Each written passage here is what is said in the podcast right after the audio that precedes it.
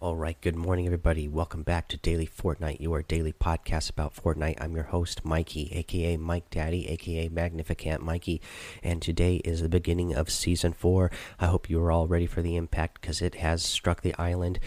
And uh, in this episode, I'm going to go over the patch notes so we all know what all the changes to uh, Fortnite have been for Season 4 here. So let's get into those patch notes. Season four. I'm at the Epic Games website. Um, you know, on the Fortnite page, news. Season four is here. Brace for Impact. Season four starts with a bang. Here's the notes and message from uh, Epic Games, brace for impact. Season 4 starting off with a bang. Shards of a massive comet have crashed into the map, altering the landscape. Discover gravity defying hop rocks and find new ways to play. Jump in and witness the aftermath of the impact while you level up your battle pass and earn all new loot. The Season 4 Battle Pass is here, sporting 100 tiers of awesome new rewards, including new cosmetic items, emotes, and sprays. Starting Movie Marathon and Save the World's latest questline blockbuster. Part 1 starts with 5 quests and one landmark mission. Ray has gone missing and no one knows where she is. With some help of Spitfire and Locke, investigate the comet, the comet and gear up to recruit a team of superheroes, find Ray and bring her back home.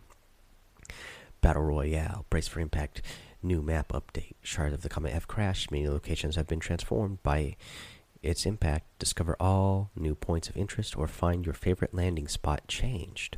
Then they have a little season four announcement trailer here. I'm sure you guys uh, have seen it on, you know, Twitter or the Epic web page.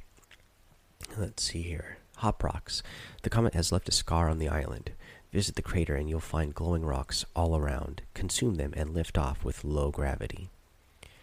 Uh, got some Save the World stuff here. I'm going to skip over the Save the World. All right, here, let's go. Version 4.0 patch notes. Here's our general notes. Input settings are now filtered based on game mode. They've also been grouped by category, combat, building, editing, etc. To make it easier to search through them, added icons for the tabs at the top of the settings screen.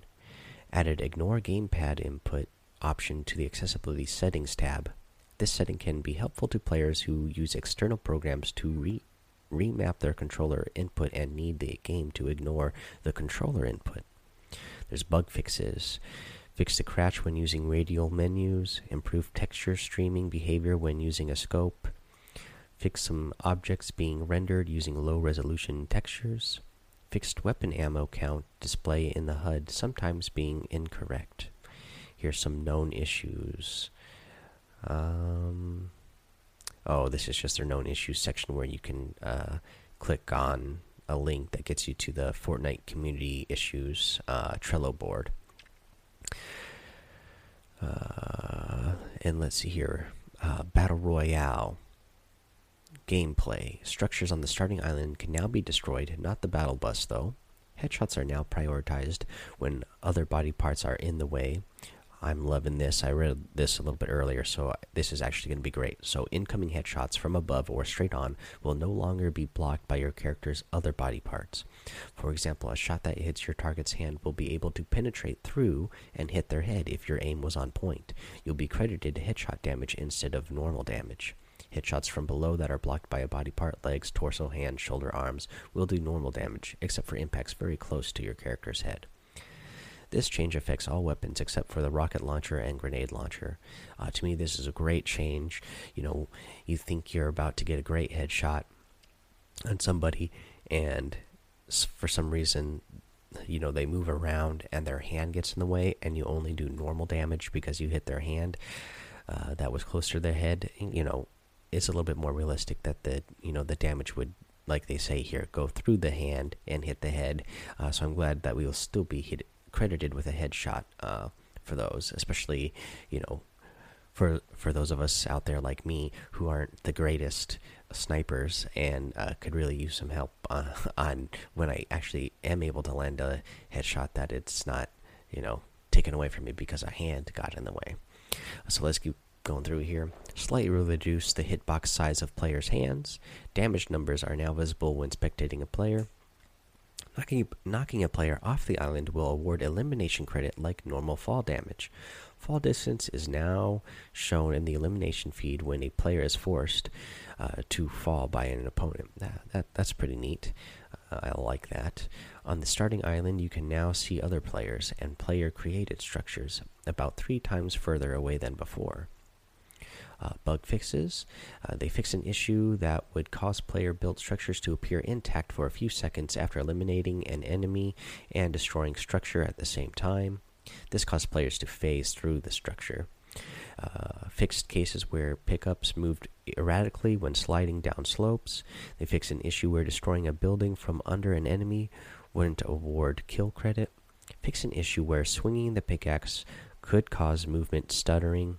Uh, I had that uh, problem a lot, uh, where I would be swinging the axe and my character would start walking to the left at the same time. So hopefully that is uh, fixed.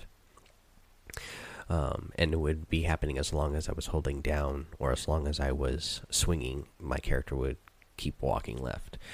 Uh, fix an issue where some pre-placed wooden archways could not be destroyed by player-built structures. Fix an issue that made the battle bus appear too quickly fly off the map after jumping from it. Fix an issue that would pause a downed player's health bar if their reviver disconnected while reviving them.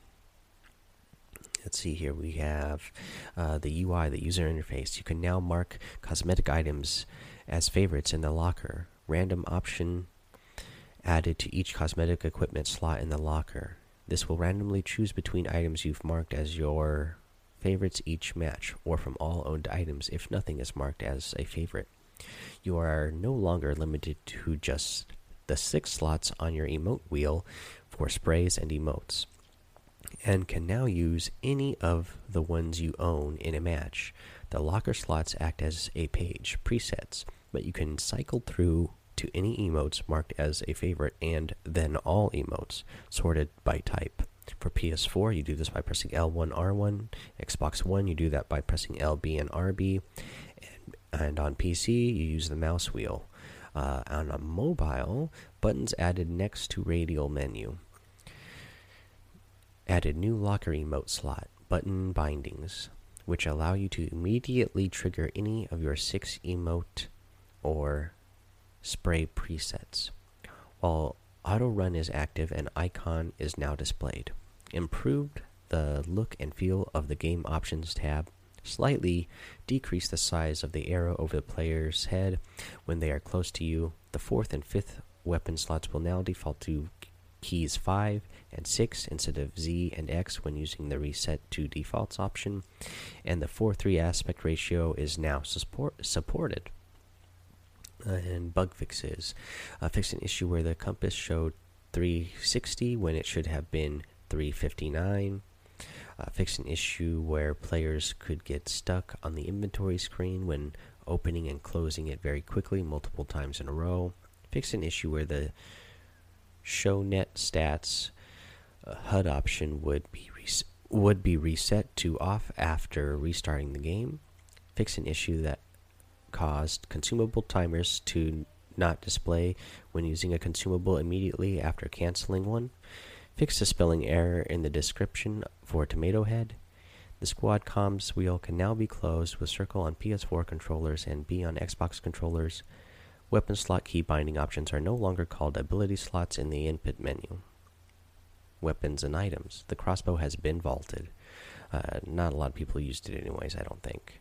Uh, the rocket launcher aim reticle is now a fixed size regardless of player movement. Hit markers are now displayed when looking through a scope increased pickaxe damage against supply llamas, now dealing 50 damage per hit. We have some bug fixes uh, for our guns. Fix an issue where a weapon uh, could have no ammo when dropping it immediately after picking it up. Improved pickaxe swing responsiveness when switching from a weapon to the pickaxe and immediately holding the swing button. Fix an issue that prevented hunting rifles from auto reloading if it was fired imme immediately after a reload.